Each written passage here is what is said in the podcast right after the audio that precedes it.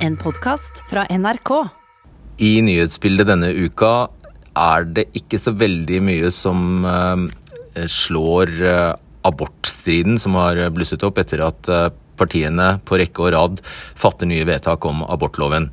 Så det var ganske gitt at vi skulle ta det temaet før eller siden, og det gjør vi denne gangen. Det er jo et veldig vanskelig, ømfintlig tema som jeg håper eh, vi greier å ivareta på en eh, skjønnsom måte. Jeg tror ikke jeg sier noe mer enn eh, det. Det gjelder altså utgangspunktet er at SV har foreslått selvbestemt abort fram til uke 22. De fleste andre partiene som har ville endre abortloven, stanser ved uke 18 og vil fjerne nemndene fra uke 18.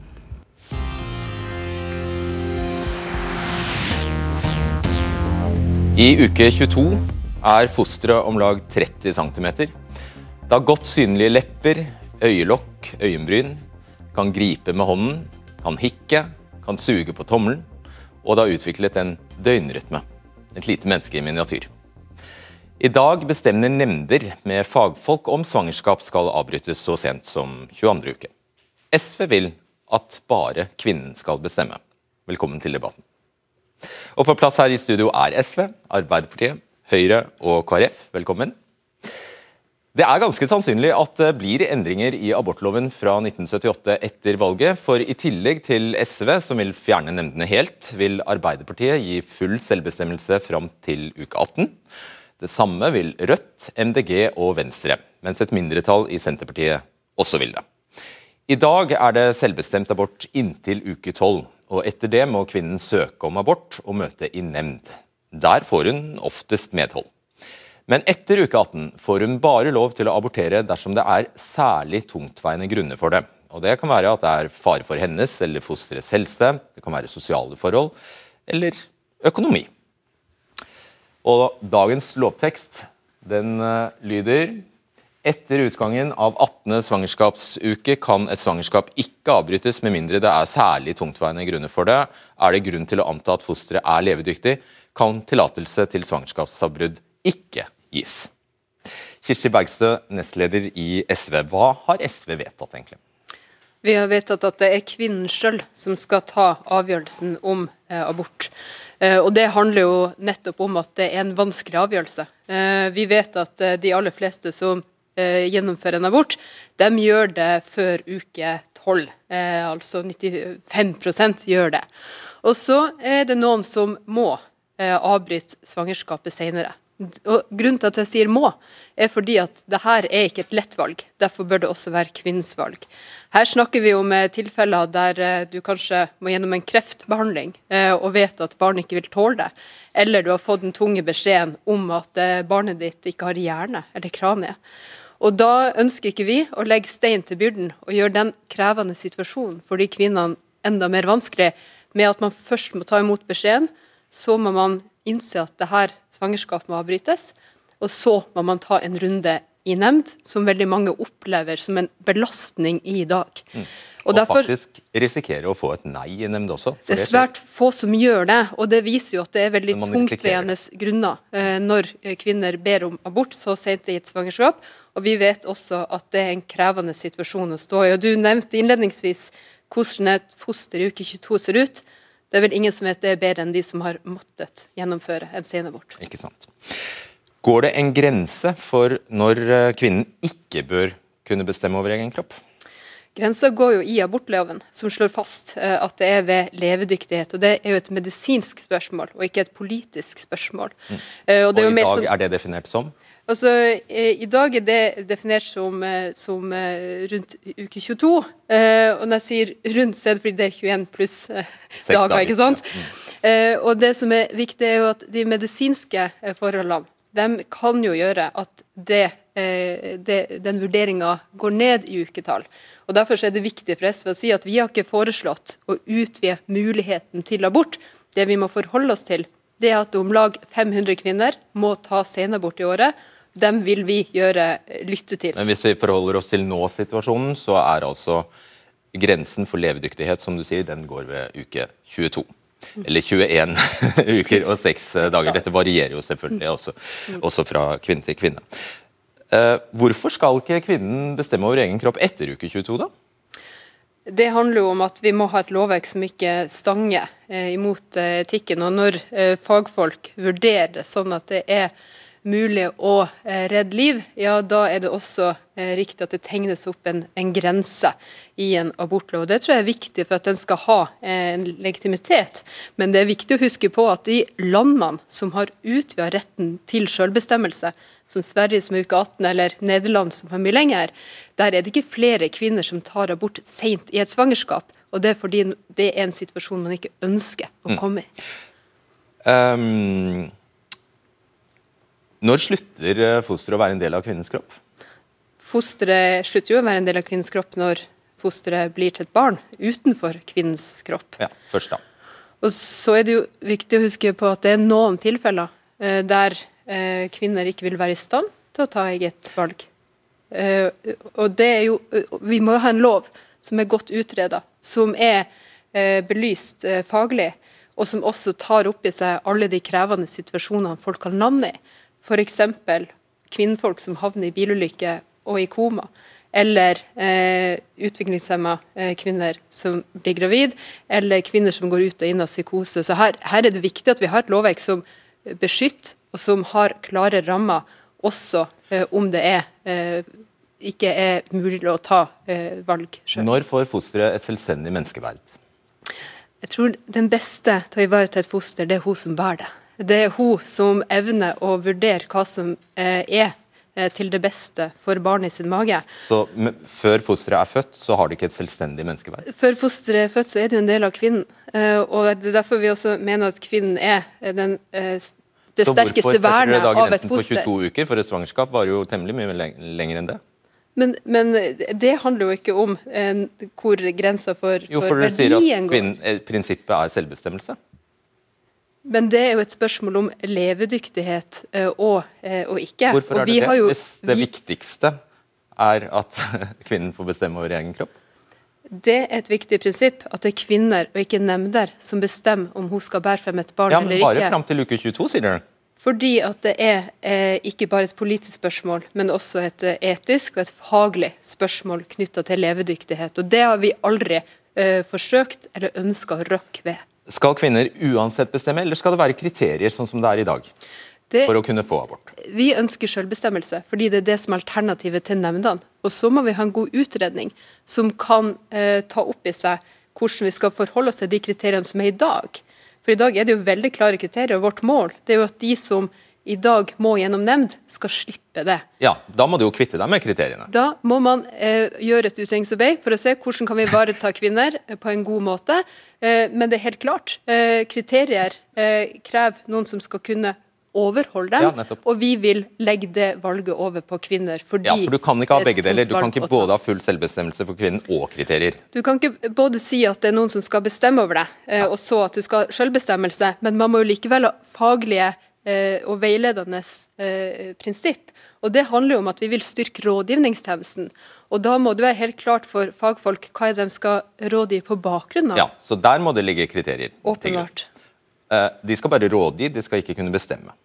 Det er kvinnen som skal bestemme, og jeg tror kvinner tar gode valg for seg selv og sitt barn ut fra de valgene hun rent faktisk har. Mm. Overlege ved um, Rikshospitalet Ole Didrik Saustad, eh, som du sikkert kjenner til, han eh, sier Det er for så vidt hans ord jeg lånte her i sted, om hvor utviklet et foster er ved 22 uker. Og Han eh, mener at nettopp fordi det er så stor usikkerhet rundt termi, eh, terminberegningen, altså den, den kan bomme på inntil to uker, kanskje mer, så kan et sånt forslag som, som dere har fremmet, faktisk innebære at man tar livet av 24 uker gamle babyer. Og Det mener han er helt horribelt. Hva sier du til det? Det er ingenting av andre lands erfaringer eller forskning som skulle tilsi at vi får flere senaborter av å øke selvbestemmelsen. Det er veldig klart fra all kunnskap og kjennskap vi har. Så det vi vet, det er at det er om lag 500 senaborter som utføres i Norge i dag. Så kan man forholde seg til det Eh, lik eller ikke, eh, gjennom å fortsette med nemndsbehandling som eh, oppleves krevende fordi du må forsvare og forklare deg, eh, eller man kan eh, lytte til de damene som har vært gjennom noen av sine livs aller vanskeligste valg, mm. der glede har blitt til sorg. Og Men det er en endre ja. Det er en kjensgjerning at uh, La oss si at man får vite at det er stort avvik ved fosteret i svangerskapet, men uh, det er ikke alvorlig nok til at man får innvilget abort i nemnd i dag. Det, det vil være en situasjon der man i dag, uh, med de, de, deres forslag, faktisk bare kan ta abort. Vi ønsker å styrke selvbestemmelsen, men også til faglige rådgivninger. I dag er nemndene sentralisert. Mange må ha rådgivning eh, og kommunikasjon eh, med nemnd gjennom, eh, gjennom, skjerm, fordi at de er langt borte fra der folk bor. Og Da er det viktig først og fremst med jordmødre i kommunene, med god informasjon og rådgivning, sånn at man Nå kan ta opplyste valg. Jo, nei, fordi man må jo ta valg på bakgrunn av den informasjonen og de rådene man har tilgjengelig. Ja, men, og da dette, blir det veldig Nå spør jeg deg om et tilfelle der nemnda i dag sier nei, mens med deres forslag så vil kvinnen bare kunne gå hen og faktisk, også etter råd, kunne gå hen og ta abort. Jeg tror kvinner velger å, å, eh, ta til seg de rådene man får. Her snakker vi om, eh, om forhold som oppstår langt ut i et svangerskap. Eh, og da ønsker man så godt man kan å gjøre det beste man, man har mulighet til ut fra den situasjonen du er i. Men får du beskjed om at ditt barn ikke har hjerne, så har du ikke mange alternativ. Uansett hvor du er i uketall. Det skjønner Greit, jeg tror, vi ble, jeg tror vi har skjønt hva forslaget går ut på. Foreløpig takk. Jorunn Gleditsch Lossius, du er stortingsrepresentant for KrF. Hvordan reagerer du på det? Eh, det er nesten så jeg ikke vet hva jeg skal si, for jeg syns det er så rystende og fortvilende at, eh, at vi har to politiske partier her som foreslår en så radikal politikk. De foreslår å utvide abortgrensen etter uke 18 til uke 22, fri abort, og frata barnet i magen alt rettsvern. Og Det er jo helt feil vei å gå med tanke på den kunnskapen vi i dag har om barnet i mors liv. Vi vet at allerede fra et helt tidlig stadium så er det snakk om en veldig avansert skapning. Og vi redder premature barn stadig tidligere, helt, uke, helt ned i uke 23. I andre land ned i uke 21. Og Det vil si at SVs forslag her det krysser faktisk grensene for hva man anser for å være et levedyktig eh, barn i andre land. Og jeg antar at man også i Norge vil komme dit ganske snart, at man redder barn, velger å redde barn i uke 21. Okay.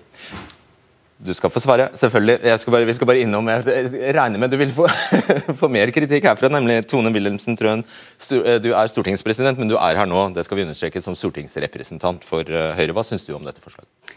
Nei, jeg syns også dette er et veldig, veldig radikalt uh, forslag. Uh, og jeg reagerte veldig på det vedtaket. Det rokker, uh, det rokker, ved hele den balansen vi har i dagens abortlov.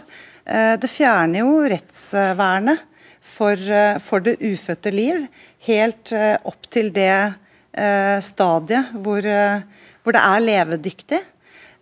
og jeg må også si at jeg blir litt forundret over å bruke ordet selvbestemmelse på den måten, fordi det både abortloven og veilederen legger veldig stor vekt på, er jo at de abortene som foregår etter uke tolv, som er eh, grensen for selvbestemmelse i dag, skal i veldig stor grad hensynta kvinnen. Det er jo eh, nemndene og de eh, medisinsk ansvarlige som skal være der for å støtte kvinnen i valget, og hun trenger jo de rådene fra leger. Eh, og hun skal tas med. Skal tas, hele hennes situasjon skal tas i, i betraktning. Og hun skal også få lov å på en måte finne fram til løsningen sammen med nemnden. Eh, det systemet vi har i dag, eh, mener Høyre skal ligge fast. Det ivaretar både kvinnens selvbestemmelse og fosterets viktige rettsvern. Okay. Jeg skulle ønske det var vilje til å lytte litt mer eh, på de damene som har vært gjennom nemndsystemet, og som forteller om eh, selvfølgelig gode møter med fagfolk. Det, det, betyr ikke at de som sitter i nemndene eh, ikke gjør en god jobb, for det er det ingen grunn til å, å, å betvile at de gjør. Eh, men at man opplever det som en stor belastning. At du kommer inn, og, og avgjørelsen skal tas av noen andre, selv om det er faglige grunner og, og, og, medisinske begrunnelser som har gjort at du er nødt til å avbryte ditt svangerskap. Det syns jeg ikke er å ta de stemmene på alvor. Når vi vet at man opplever at man blir umyndiggjort, og mange blir jo også gruer seg skrekkelig til dette møtet med nemndene, fordi du vet at avgjørelsen ligger et annet sted. Okay. Da, Arbeiderpartiet, dere har også fattet et vedtak om, om abortloven. Hva lyder det? Eh, Arbeiderpartiet har sagt at vi vil avvikle nemndsystemet i abortloven mellom uke 12 og uke 18. For oss så betyr det at kvinnens selvbestemmelse skal styrkes. Det er kvinnen selv som skal bestemme om hun ønsker å ta abort inntil uke 18.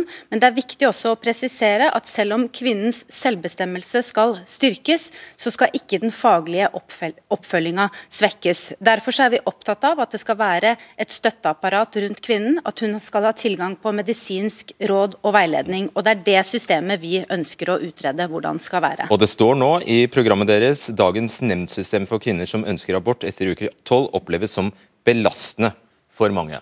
Og Hvorfor vil dere da beholde nemndene? Uh, Arbeiderpartiet vil ikke gjøre noen endringer etter uke 18. Nei, det, og det er fordi... Så derfor spør jeg, Dere skriver jo dere mener at nemndene er belastende, og så vil dere beholde nemndene. Hvorfor, hva er logikken i det? Vi mener at det er et skille i uke 18 i lovverket i dag. Som du også var inne på selv i innledninga di, så skal det særlig tungtveiende grunner til for at man skal kunne innvilge en abort etter uke 18. Ja, Det er jo noe dere politikere har bestemt ja, og skrevet inn. Og, ja, og vi mener at det skal ligge fast. Vi vil at den, eh, det kriteriet i lovverket fra uke 18 skal ligge fast. Og Så lenge det kriteriet skal ligge fast, så må det nødvendigvis være et system som kan vurdere om det kriteriet er ivaretatt. Så da er det ikke så belastende med nemnder plutselig, hvis du, hvis du havner der i uke 19? Da. Jeg tror vi må eh, anerkjenne at det møtet er tøft for kvinnen uansett om det skjer i uke 14, uke 16, uke 18 eller uke 20. Vi mener likevel at det er et skille i uke 18, og det er flere grunner til det. Det ene er den juridiske skranken som ligger i lovverket i dag, som vi ønsker å beholde. Det andre er at grensen på uke 22, der er linja mellom eh, liv og død så tynn at vi mener at det er viktig at det er eh, noen uker eh, buffer, for å si det sånn der. Ja. Da grensen ble satt i uke 22 i sin tid, så mente man at grensen for levedyktighet i realiteten var uke 24. Den bufferen har vi spist oss godt inn på. Nå redder vi barn mye tidligere. Bare de ti siste årene har den tida gått nedover. Vi redder redder nå uker, eh, nei, barn i, i, uke 23. Derfor mener vi at det er viktig at uh, den skranken ved, i lovverket ved uke 18 beholdes. Ja, så Når dere sier at kvinnens selvbestemmelse skal sikres, så betyr det at den skal bare sikres inntil uke 18? Det er helt riktig at Arbeiderpartiet vil fjerne nemndsystemet i abortloven mellom uke 12 og uke 18. Kan du bare svare ja på det? Ja. ja takk. og Det betyr videre at øh, hvis man for eksempel, det er jo vanlig å ta en ultralyd i uke 17, 18 eller 19, og får da en, hvis man da får en veldig nedslående beskjed, så skal man hales inn for nemnd i ditt system fremdeles. Det viktigste vi har gjort for å forebygge eh, senaborter, er jo å gi alle kvinner i Norge en rettighet til tidlig ultralyd. Det viktigste vi gjorde for å forebygge senaborter, ja, ja, var men... Nei, det er ikke irrelevant, det. Det viktigste vi gjorde, var endringene i bioteknologiloven i fjor, som gir norske kvinner krav på tidlig ultralyd, fosterdiagnostikk og NIPT for de som er over 35 år. Det er det viktigste vi gjør for å forebygge senaborter etter ja, er, uke 18. Det, det, sier du selvfølgelig, for da mener du at antallet som havner i den situasjonen jeg nettopp beskrev nå, blir lavere. Det ja, skjønner man. Det er helt Men riktig. for de som da opplever det, så hales inn for nemnd.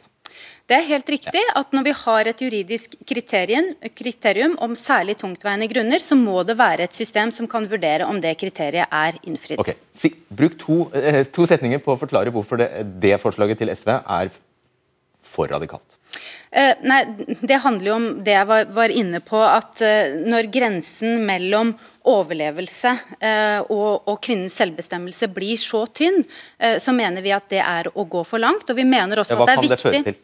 Det kan føre til at, man, eh, at, det blir en glidende overgang, at disse grensene krysser hverandre på en abort og overlevelse. Derfor så mener vi at det er viktig at det, grensen for selvbestemmelse er tidligere. Vi vil beholde den juridiske skranken som er i lovverket ved uke 18 i dag. Kort på det.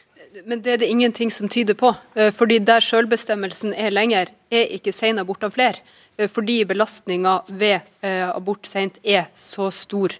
Og belastninga ved nemndsystemet, den forsvinner ikke. Dess større belastninga ved, ved svangerskapet og forholdene til fosteret er. Mm. Og Det må man ta inn over seg. Vi må forholde oss til verden sånn som den funker. Og det er 500 kvinner som er i den situasjonen i løpet av et år. Dere er jo heller ikke enige. Du vil beholde dagens abortlov som den er, men hva vil dere egentlig? Først må jeg si at jeg synes Det er litt skremmende at de kan stå og snakke såpass lenge om det her uten å, å anerkjenne at det her faktisk handler om to liv. Ikke sant? En abort vil aldri bare handle om kvinnens kropp, det vil alltid handle om to liv og, og respekten for det ufødte liv. Og Det er vi i KrF veldig opptatt av. Så Vi skulle jo aller helst ha sett at med den kunnskapen vi har i dag, at vi faktisk hadde styrka barnet i magen sitt rettsvern. Ja, og helt konkret, Hva vil det si? Fordi Dere ønsker faktisk, dere skriver at uh, dere vil erstatte dagens abortlov med noe annet. Hva er det? Vi hadde ville erstatta dagens abortlov med en abortlov som hadde styrka barnets rettsvern og hadde anerkjent at det har et selvstendig menneskeverd. Og også en abortlov som er mer i tråd med dagens eh, medisinske teknologi. Og Betyr det ingen selvbestemmelse? Det betyr at vi ønsker en sånn lov som styrker barnets rettsvern. Betyr det, at det, ikke, at du, uh, betyr det uke 11? Betyr det uke 10? Åtte. Vi vet ikke hvordan den loven vil se ut, for den måtte jo først komme på plass Nei, etter eh, utredning, og det må det jo være politisk flertall for. Ja, men men enn så lenge så står KrF alene om å mene at barnet i mors liv har Ja, men Jeg skjønner jo ikke hva du mener, det er jo det jeg prøver å finne ut. Hva, hva, vil dere ha, Skal det være noe som helst selvbestemmelse? Vi ønsker å erstatte dagens abortlov med en abortlov som legger til grunn at barn i magen har et selvstendig menneskeverd. Det har, det har vært primærstandpunkt. Så helt, men, vil, men, Hvordan oversetter man det til en lov? Men nå tror jeg nesten vi har glemt hvorfor vi er her. Vi er Nei, jeg bestemmer hvorfor vi er her. Hvor, hva, jeg vil ha svar på dette. Jeg, jeg, jeg, vil ha svar på dette. Hva er KrFs alternativ? Skal, skal det være selvbestemmelse? Vi har sagt at vi ønsker en abortlov som legger til grunn at eh, barn i magen har en selvstendig menneskeverd. Og Vi vet ikke enda hvordan en sånn lov vil ha sett ut, programleder. fordi det krever at det ligger et politisk flertall til grunn for at vi skal utrede den. Men det anerkjenner vi at i dag så er det ikke. Det flertallet kommer dere ikke til å få. Da må dere vente i evigheter. Det kommer dere ikke til å få. Nå går det jo motsatt vei. Så, så Derfor spør jeg heller, det er jo mest praktisk å høre hva partiet som da vil endre abortloven, eller faktisk fjerne abortloven, har til alternativ. Og det, jeg kan jo sitere da fra ditt eget, uh, ditt eget program. Det står der at eh, tilfeller som skal kunne eh, utløse Eh, mulighet for abort er tilfeller der morens liv eller helse står i fare som en følge av svangerskapet, eller der svangerskapet er et resultat av overgrep. De to grunnene skal være de eneste gyldige grunnene til å få abort i, KRS, i KrFs lov. Stemmer det? Vi har et nytt program nå som legger til grunn at vi ønsker en abortlov som i større grad vektlegger barnets menneskeverd. Ja, Det er femte gangen du sier det, men stemmer det at det er bare disse to unntakene som, som skal gjelde? Vi vet ikke hvordan en sånn lov ville se ut. Og jeg Beklager hvis det ikke er tilfredsstillende svar for deg, men man trenger et bredt politisk flertall for å utrede noe sånt. Okay. Eh, KrF har jo fremmet grunnlovsforslag om at det skal være en så snever tilgang til abort, at det kun er disse ekstreme tilfellene som programleder eh, peker på. Og jeg syns det er spesielt å peke på disse partiene som om at vi ikke er humane, når KrF vil foreslå en abortlov som fjerner kvinnen helt ut av dette regnestykket. Betyr ikke kvinnen noen ting for KrF? Det vil jeg gjerne svare på, selvfølgelig. Og alle de historiene vi hører også gjør jo sterkt inntrykk på oss. Dette er aldri lette situasjoner. Det er tøffe valg. Det er tøffe situasjoner disse kvinnene er i. Men vi kan allikevel ikke glemme at det handler om to liv. Og vi kan ikke være villige til å frata barnet i magen alt sitt rettsvern. I dag så er det jo sånn at fra uke tolv så har det et gradvis økende rettsvern. Og den nemnda den er der som en slags skanse. Den representerer det barnets rettsvern. Og den er også en sikring av selve beslutningsprosessen som er viktig for barnet. Men det er ikke den loven du forsvarer. Den, den loven vil du fjerne. Nå får jeg høre på øret her.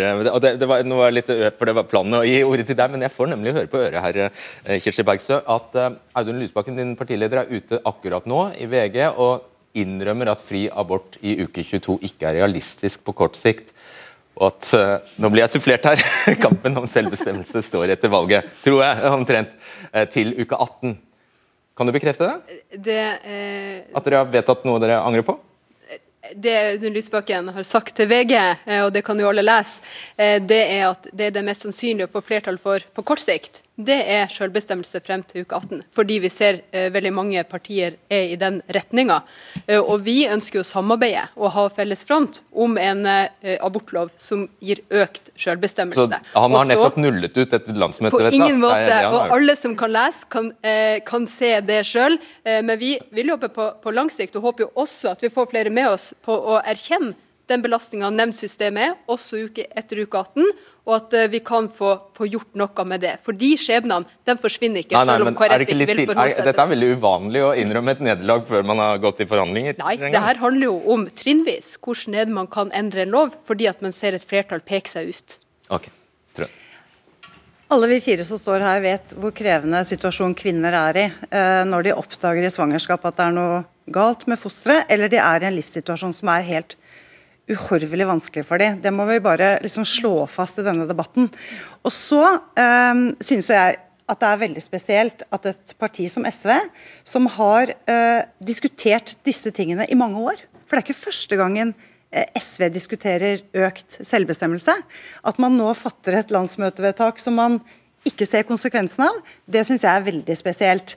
Uh, det Arbeiderpartiet og SV mener, er at barnet ikke har noe rettsvern før uke 18 og uke 22 eller til levedyktighet.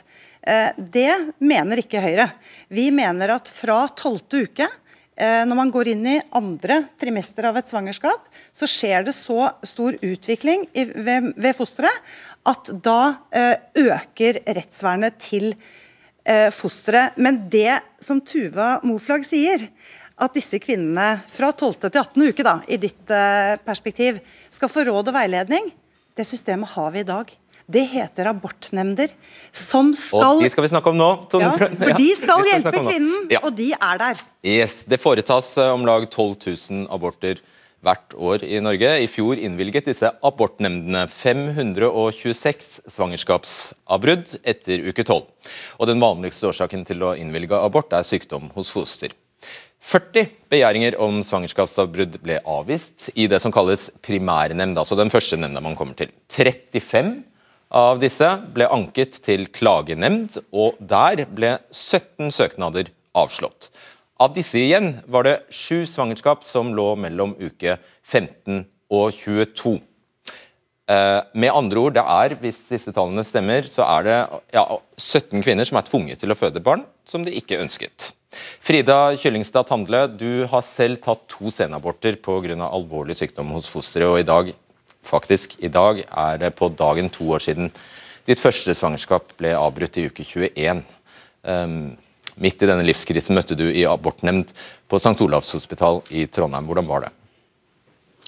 Um, mine møter med abortnemnda begge gangene uh, var gode møter.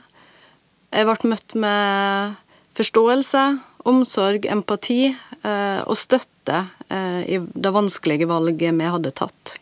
Mm. Hva fikk du av råd eller beskjeder fra av nemndemedlemmene om, ja, om hva, du, hva, du, burde gjøre? Um, jeg fikk ikke så mange råd uh, og beskjeder i møte med abortnemnda, uh, for da hadde vi jo allerede bestemt oss og søkt om abort. Eh, så jeg opplevde i hovedsak samtalen med nemndlegen eh, som støttende. Eh, jeg fikk støtte i det veldig vanskelige valget mm. vi hadde tatt. Jeg følte aldri på noe tidspunkt at jeg måtte forsvare det. Nettopp. Og Du er selv psykiatrisk sykepleier på St. Olav, altså samme institusjonen hvor du tok abort. Har møtet med nemnda gjort noe for prosessen i etterkant? Dramatisk, helt sikkert. Ja. Um, vi var enige uh, i valget om å avslutte begge svangerskapene. Uh, vi fikk veldig god oppfølging og informasjon fra Senter for fostermedisin. Uh, men valget var vårt, og jeg tror det er umulig å ta et valg om liv og død uten å kjenne på tvil. Uh, og for uh, meg ble møtet med nemndlegen, spesielt første gangen, men òg andre gangen, uh, en god støtte i å fjerne den siste lille tvilen om at valget var rett. jeg husker spesielt første gangen så følte jeg at 100 kilo var letta av skuldrene mine, når det var en lege som endelig sa til meg at han støtter meg i valget. Nettopp. Og Disse to abortene skjedde i 2019. Du og mannen din hadde ingen barn fra før, og dere er fortsatt barnløse. Hvordan ser du på det å prøve på nytt? Det er jo et uh, veldig vanskelig spørsmål, uh, og et veldig personlig spørsmål. Ja, så du trenger ikke å svare, jeg er klar over det. Jo da, det går fint. Uh, jeg må være ærlig og si at jeg ikke har funnet mot og krefter til å prøve igjen enda. Um, det har vært en vanskelig prosess, og ja, jeg har trengt tid til å bearbeide og, og ja Trengt tid på å ta valget. Mm. Men en ting som jeg vet, det er at hvis jeg må gå gjennom det her en gang til, så ønsker jeg å bli møtt med, i det samme systemet som jeg ble de to første gangene. For, for meg så var det en Unnskyld, at jeg, du ville foretrukket det framfor SVs resept, at man er alene om beslutningen? Ja, men jeg har eh, forståelse for at møtet med abortnemnd kan oppleves veldig forskjellig, og jeg syns det er ubeskrivelig trist å lese om de kvinnene som, eh, som har et helt annet møte med, med nemnda enn da jeg har vært så heldig å ha hatt. Frida Kyllingstad Tandle, tusen takk for at du er modig og deler historien med oss. Jeg skal bare legge til at Du har ikke noe tilknytning til verken et uh, trossamfunn eller noe politisk parti. Og så, du, uh, ja, og så, skrev du først om disse opplevelsene på nettsiden midtnorskdebatt.no. Tusen takk skal du ha. Ja, dette, jo, uh, dette var jo en ganske annen beskrivelse av, av nemndene. Alternativet til å være nemnd er ikke å ta beslutninger alene. Eh, og Derfor er det eh, viktig å, å, se at vi vil eh, styrke Er det ikke det selvbestemmelse går ut på? At du det handler om at det er du som tar den endelige avgjørelsen, ja. men du må jo ha beslutningsstøtte. Du må jo ha råd og veiledning. Og Det som jeg er veldig glad for at hun pekte på, det var jo det å få den anerkjennelsen og bekreftelsen fra en lege. Men det er jo sånn at den bekreftelsen har jo ofte vært der fordi det er en lege, medisinsk personell, som har avdekket alvorlige forhold. Eh, og det å da skulle møte en nemnd, som mange andre kan oppleve som belastende, ikke fordi fagpersonell ikke er imøtekommende og, eh, og, har sin integritet i behold, men fordi det oppleves som belastende at noen andre skal ta den endelige avgjørelsen. Lossus. Ja, sånn som jeg har forstått det, så skal jo den rådgivninga være også frivillig. Så det vil jo ikke være alle, alle som benytter seg av den rådgivningen. Ja, det viser jo igjen at, at, barnet i magen blir stående fullstendig uten noe rettsvern. Og skal det være greit at det skal være sånn at man kan få en abort inntil uke 22 uten noen som helst eh, grunn man legger fram noen som helst grunn, og uten at man skal eh, kunne møte noen som kan gi deg den der medisinske eh, vurderinga og gi deg den støtten. Og ikke minst så vet vi jo også at mange kvinner eh, når de kommer i nemnd, så får de god informasjon, men de får også, noen kan være under press. Og ikke minst så er det så viktig at de har det der rommet der både medisinske og menneskelige momenter ivaretas. Men det vi ser her, at de er ikke i stand til å snakke om barn i mors mage. Jeg er så utrolig forskrekka over at SV ikke anser okay. barnet som et barn før det faktisk er født. Da det tror jeg er hårreisende både for meg og for mange folk der ute. Vi ser de reaksjonene som har vært de siste to ukene. Det er helt hårreisende. Det er jo ikke rart med deres misvisende tolkning av vårt forslag. Det her handler om å forholde seg til de helt ekte menneskene som står i veldig krevende situasjoner, og hvordan vi skal gjøre det best mulig for dem i en så vanskelig situasjon. Og Da har vi fått besøk av Tilde Broch Østborg. Du er overlege og spesialist i fødselshjelp og kvinnesykdommer, og sitter i abortnemnd. Disse 526 begjæringene om svangerskapsavbrudd og disse 40 avslagene i første instans, som er den instansen du sitter i, mm. hva kan det skyldes? Det er slik i Norge at du kan søke om å avbryte svangerskapet ditt uavhengig av hvor langt det har kommet. Slik at noen av eh, avslagene kan handle om at eh, man har kommet forbi uke 21 pluss 6. Andre avslag kan handle om at man ikke har funnet at de kriteriene som er satt opp i abortloven i dag, er oppfylt. Og Hva kan det da være? Hva, hva kan det dreie seg om? Det er jo en vekting... At man ikke har tilstrekkelig dårlig økonomi, f.eks.? Jeg synes det som, Når du ser hva da som skjer i ankenemnden, hvor man har en kanskje grundigere gjennomgang av kvinnens situasjon, eh, fosterets tilstand osv., så, videre, så vil jo de aller fleste få innvilget der. Men så er det også sånn Fredrik, at du trekker frem veldig små tall. Og når jeg er invitert hit som, som dørgende kjedelig akademiker, eller hvordan det var du omtalte oss, så må jeg jo påpeke det. sant? Du påpeker sjeldenhetene. Vi har mange mange hundre kvinner som møter, eh, som, som møter i nemnd hvert år. Og det er en veldig veldig liten andel av de som får avslag.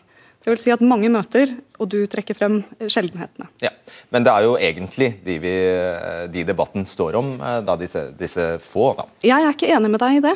Fordi eh, da ser du helt bort fra alle kvinnene som møter i nemnd, og som faktisk eh, må eh, legge avgjørelsen i noen andres hender, istedenfor å kunne ha en samtale med informasjon og likeverdighet, hvor hun til slutt syvende, eh, til, til sist tar avgjørelsen selv. Jo, men eh, debatten oppstår i det, du, eh, i, det, i det noen kvinner opplever at deres ønske ikke innvilges eller ikke følges. Ja, det, og det, er få tilfeller. Det er få tilfeller.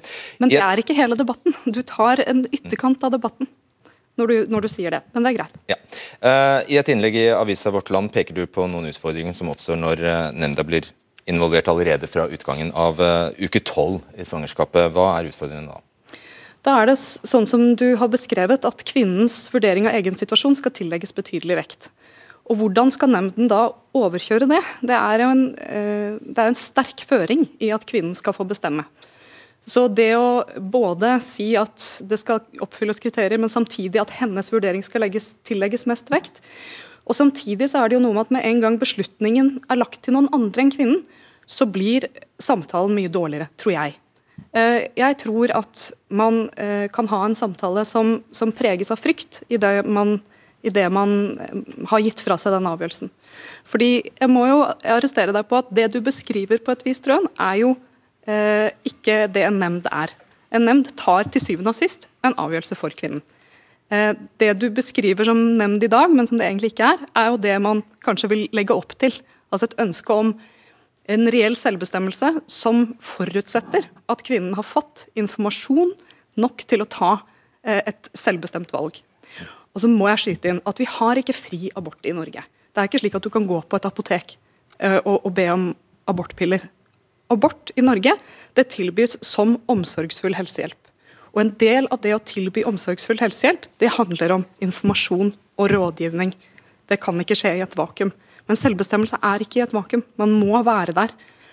Og jeg mener jo at Man må ha en offentlig sørge-for-rolle der. Mye av rådgivningen i dag gjøres av frivillige organisasjoner og ideelle, f.eks. Amathea. Men det offentlige må ha en sørge-for-ansvar. Faktisk også før uke tolv. Men hvor skal avgjørelsen ligge? Det er det store spørsmålet. Og da, da mener du at eh, nemndsystemet bør opprettholdes, eller beholdes? Jeg tror ikke at jeg kan snakke for noen andre enn uh, meg selv, fordi uh, i dette faget så er man utrolig spredt i hva man mener. Men jeg tror jo at en samtale mellom to likeverdige parter, uh, hvor kvinnen som skal sitte med, denne, eh, sitte med, dette svaret til syvende og sist tar avgjørelsen, er bedre. Eh, hvem andre skulle gjøre det? Altså hvorfor, Hva er denne tiltroen til at jeg skal vite så mye bedre? Eller at jeg og en kollega skal vite så mye bedre? Hvor kommer denne troen på oss fra? Um, ja. Okay. Trøen, du får svare på det, og så tror jeg at um, mens du, du tror du skal få høre svaret på vei ut, fordi vi skal eh, få inn Jordmorforbundet her. Tusen takk skal du ha. Uh, du kan svare på det, Trøen, mens uh, Kristin Holag, uh, Holang Selvfølgelig har jeg respekt for, for legen som sier det hun sier, men samtidig så syns jeg det er veldig spesielt å bli arrestert for feil når jeg egentlig leser det som står i veilederen. For i veilederen står det at nemnden skal hjelpe kvinnen til å treffe sitt valg, bistå henne slik at hun kan komme frem til hva hun selv mener er den beste løsningen. Eh, og det jeg også syns eh, mangler, er jo eh, Vi kan godt snakke om aborter inntil tolvte uke, men det vi er her for å snakke om i dag, er jo fra tolvte uke og til levedyktighet gitt eh, SVs eh, landsmøtevedtak. Men det vi ikke snakker om, det er hvis vi fjerner dette systemet, hvem skal da egentlig stille opp for kvinnen? Det skal være frivillig, det skal ikke være obligatorisk. I dag har vi et landsomfattende system. Og den yrkesgruppen som står der borte, jeg er sikker på at det at det er to leger som har vært med å vurdere behovet for eh, senabort, styrker også de jordmødrene og det personalet som skal bistå kvinnen i senaborten. Da er det jo behørig introdusert. Eh, Kristin Holanger, du er nestleder i Jordmorforbundet, velkommen. Hva er det, hva, kan du beskrive for oss hva er det som faktisk skjer hvis man velger å ta en abort så sent som i uke 22? Nei, eh, Først og fremst har jeg lyst til å si at vi eh, Det er delte, absolutt delte meninger også i den medlemsmassen jeg står her for i dag. Eh, men vårt vedtak i Jordmorforbundet er at eh, abortloven i dag den balanserer ganske presist eh, tre prinsipper som egentlig er uforenlige. Både eh, kvinnens rett til selvbestemmelse, fosterets rett til eh, fosterets rettigheter, og hvordan vi som samfunn skal håndtere dette med abort. Eh, sånn at det, Per i dag så fungerer dette systemet etter vår oppfatning relativt godt. Ja. Samtidig så må jeg bare legge til at vi det er jo eh, Nemnder er også omdiskutert i vår medlemsmasse. Og med de tilbakemeldingene fra kvinnene de skal vi ta veldig på alvor. Så er, vi er absolutt åpne for at man kan drøfte Mm, da vet vi hvor du står, og ikke minst at, uh, hvor, hvor, hvordan for, forbundet selvfølgelig rommer, rommer, mange meninger om dette vanskelige mm. spørsmålet. Men så tilbake til det første jeg spurte om. Ja. Hva er det som praktisk skjer?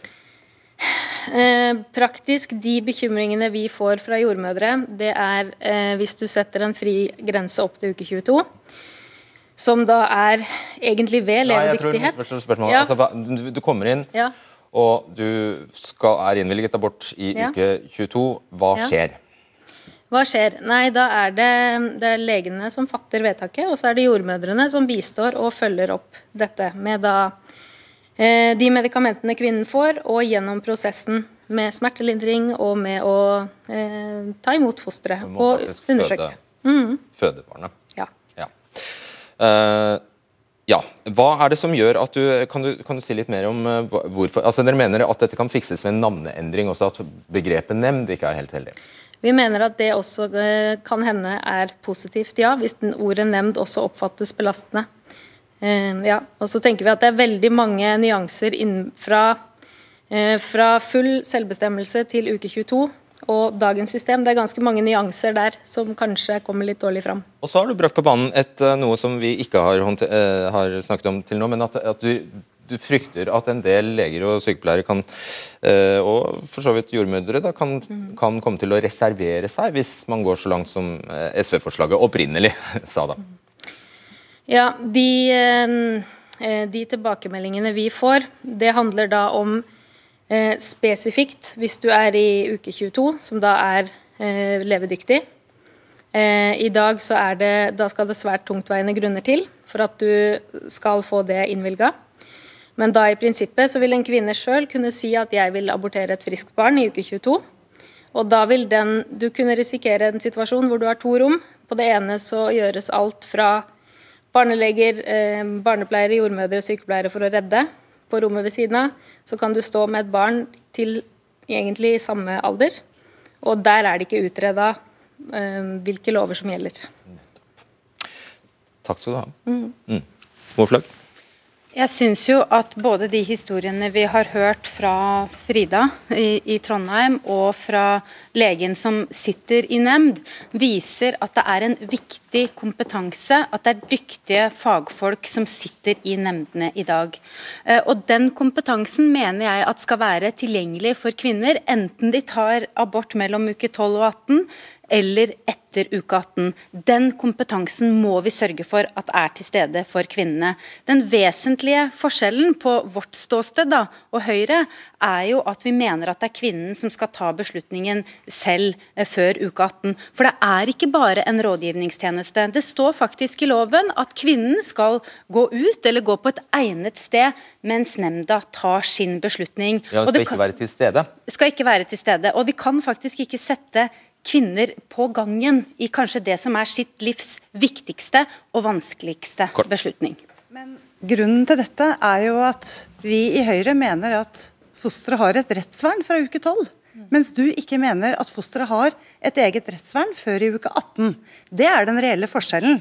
Eh, og så er vi begge enige om at det skal være bistand. Kvinner skal ikke stå alene i dette. Vi må stille opp for de kvinnene når de skal ta det valget. Men det systemet har vi i dag, Tuva Moflag.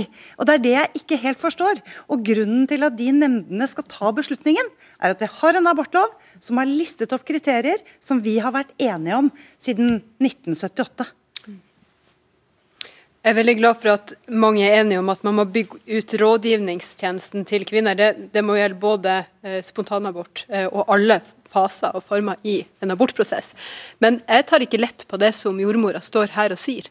Og hvis jeg trodde, eh, og det var belegg for å tro, eh, at vårt forslag ville ført til flere senaborter, så hadde jeg slitt stort med å forsvare det. Ser du det dilemmaet det... man kan havne i, at man prøver alt man kan i det ene rommet å redde en en baby på 22 uker og aborterer Nettopp, det i den andre rommet. Men da må vi forholde oss til verden sånn som den er.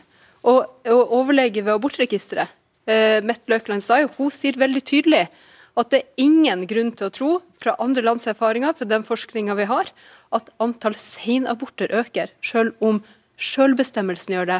Men man kan gjøre eh, den prosessen eh, mindre vanskelig gjennom å erstatte nemnd med selvbestemmelse. Ja, er det det du tror, at det kommer til å øke, at antallet kommer til å øke? Senaborter? Det vet ikke vi, og det vet ikke SV heller.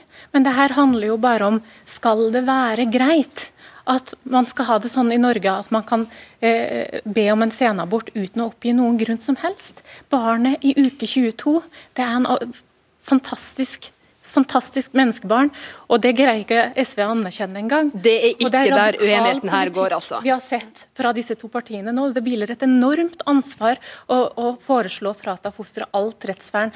Representanten fra Jordmorforeningen sa det i det ene, området, i det ene rommet så skal vi gjøre alt vi kan for å redde et for tidlig født barn, og i det andre rommet skal vi la et annet barn død som er nesten like gammelt. Det er helt hårreisende, og folk i hele befolkninga reagerer på det her, og det må SV og Arbeiderpartiet ta inn over seg. Fem sekunder. Avgjørende at uh, abortloven er bredt forankra i befolkninga. Da kan vi ikke bruke den i et kynisk spill om å beholde makt. Vi kan ikke legge den på forhandlingsbordet, sånn som KrF og Høyre gjorde. Vi må ha en abortlov med god oppslutning i befolkninga, og da mener jeg at uke 18 er den riktige grensen for det. Der setter jeg strek. Tusen takk skal dere ha. Eh, debatten finner du alltid i NRK TV, og vi har også en podkastversjon. Takk for at du ser på. Ha en fin kveld.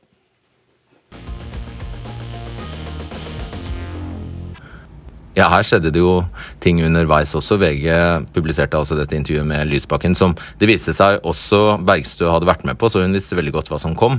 Der de eh, Jeg kan ikke skjønne annet enn at de modererer eh, sitt eget landsmøtevedtak ganske kraftig.